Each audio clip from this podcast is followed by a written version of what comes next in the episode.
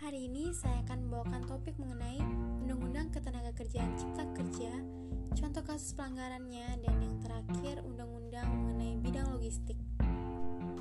Undang-Undang tentang Cipta Kerja disahkan oleh pemerintah dan Dewan Perwakilan Rakyat Republik Indonesia pada tanggal 5 Oktober 2020. Undang-Undang Nomor 11 Tahun 2020 tentang Cipta Kerja membahas hal berikut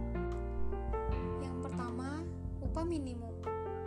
Hal yang terkandung yaitu upah minimum tidak turun, pengusaha dilarang membayar upah lebih rendah dari upah minimum, upah di atas upah minimum disepakati antara pengusaha dengan pekerja, upah minimum ditetapkan oleh gubernur, dan yang terakhir kenaikan upah minimum memperhitungkan pertumbuhan ekonomi daerah atau inflasi daerah.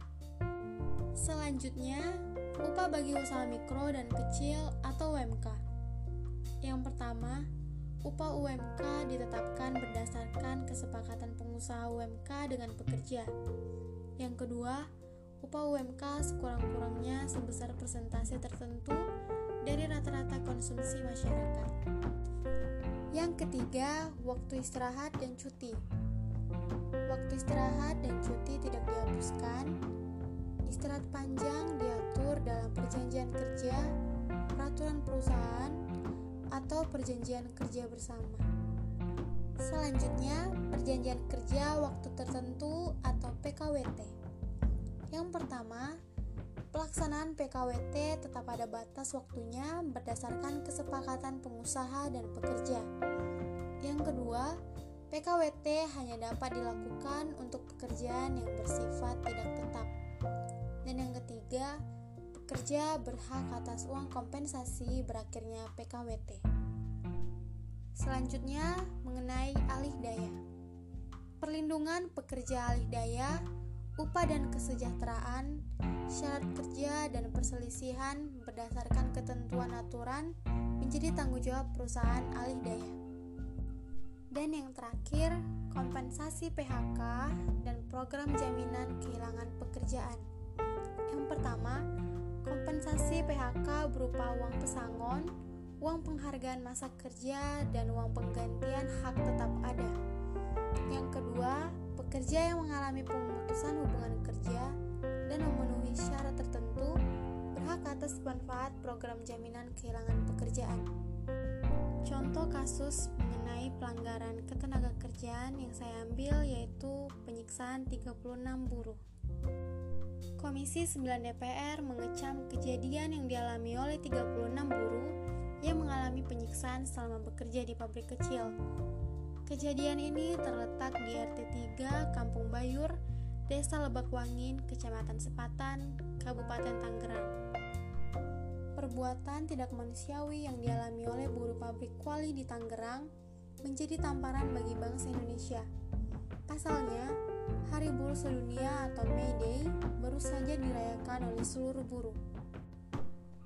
Peristiwa ini mengingatkan SBY tak cukup menyelesaikan masalah ketenaga kerjaan dengan menyatakan 1 Mei sebagai hari libur nasional. Ujar anggota Komisi 9 DPR, Rike Dia Pitaloka melalui keterangan tertulis kepada merdeka.com Minggu 5 Mei. Politikus PDIP ini mengecam dan mendesak aparat untuk menangkap pemilik serta jajaran yang memperkerjakan anak di bawah umur dan ada indikasi perdagangan manusia sebab kasus tersebut dianggap melanggar aturan ketenaga kerjaan. Kasus ini bukan hanya pelanggaran terhadap Undang-Undang Ketenaga Kerjaan Pasal 68 memperkerjakan anak di bawah umur dan Pasal 69 ayat 2 Undang-Undang 13 tahun 2003 dengan sanksi pasal 185 dengan sanksi penjara paling singkat satu tahun dan paling lama 4 tahun namun kasus ini berindikasi kuat pelanggaran pidana kejahatan lain jelasnya. Rike juga meminta presiden untuk memerintahkan para pembantunya untuk mengusut tuntas namun tidak perlu membuat lembaga ad hoc baru karena terjadi pengamburan anggaran pemborosan belum tentu kerja maksimal untuk diketahui Kasus penyiksaan buruh terungkap ketika pelapor berasal dari Lampung Utara didampingi kepala desa membuat laporan pengaduan kepada Polda Metro Jaya Jumat 2 Februari lalu. Polda Metro Jaya kemudian melakukan penggerebekan ke lokasi di Kampung Bayu Ropak, RT 3 RW 6, Desa Lebakwangi, Kecamatan Sepatan, Kabupaten Tangerang. Kemudian, Yuki Irawan, 41 tahun, memiliki industri yang telah melakukan kekerasan fisik terhadap 13 buruh dengan cara menampar, memukul dengan tangan dan mendorong kepala buruh. Tersangka ketiga, Sudirman alias Dirman, 34 tahun telah melakukan kekerasan fisik terhadap empat buruh dengan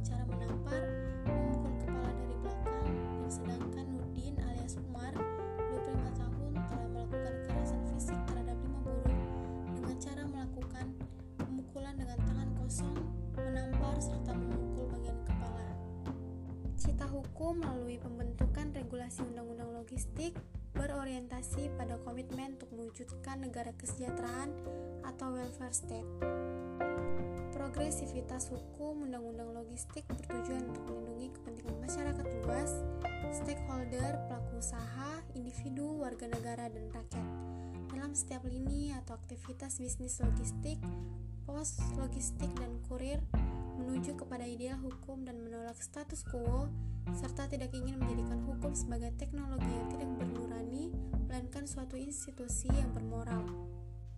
Berikut saya akan menjelaskan mengapa undang-undang logistik itu penting sebagai koneksitas konstruksi hukum regulasi logistik. Berkaitan dengan sektor logistik, pada saat ini terdapat empat undang-undang bidang transportasi, yaitu yang pertama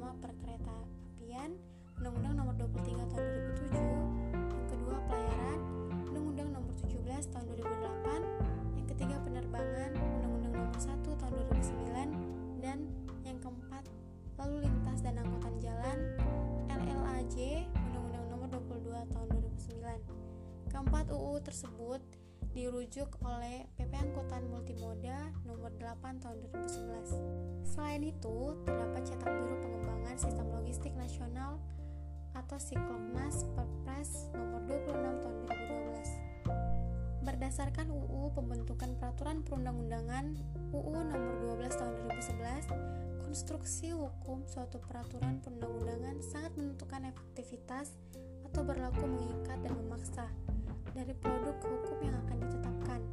Konstruksi hukum tersebut terkait dengan materi muatan dan dasar pertimbangan atau considerance. Merujuk UU pembentukan peraturan perundang-undangan, konstruksi hukum Perpres Siklopnas masih perlu dilengkapi. Jika diperlukan, Perpres Siklopnas dapat diupayakan peningkatan derajat melalui Undang-Undang Logistik. Upaya ini diperlukan karena pada konsiderans Perpres Siklopnas tidak mencantumkan ketentuan atau pasal tertentu dari UU atau PP terkait dengan pelaksanaan aktivitas bisnis logistik.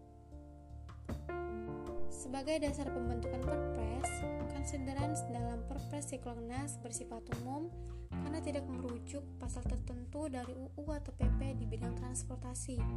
Sebagai dasar pelaksanaan, konsideran Perpres Siklopnas hanya merujuk Perpres MP3EI Perpres nomor 32 tahun 2011 yang diubah dengan Perpres nomor 48 tahun 2014 sedangkan Perpres MP 3EI hanya merujuk RJPN UU nomor 17 tahun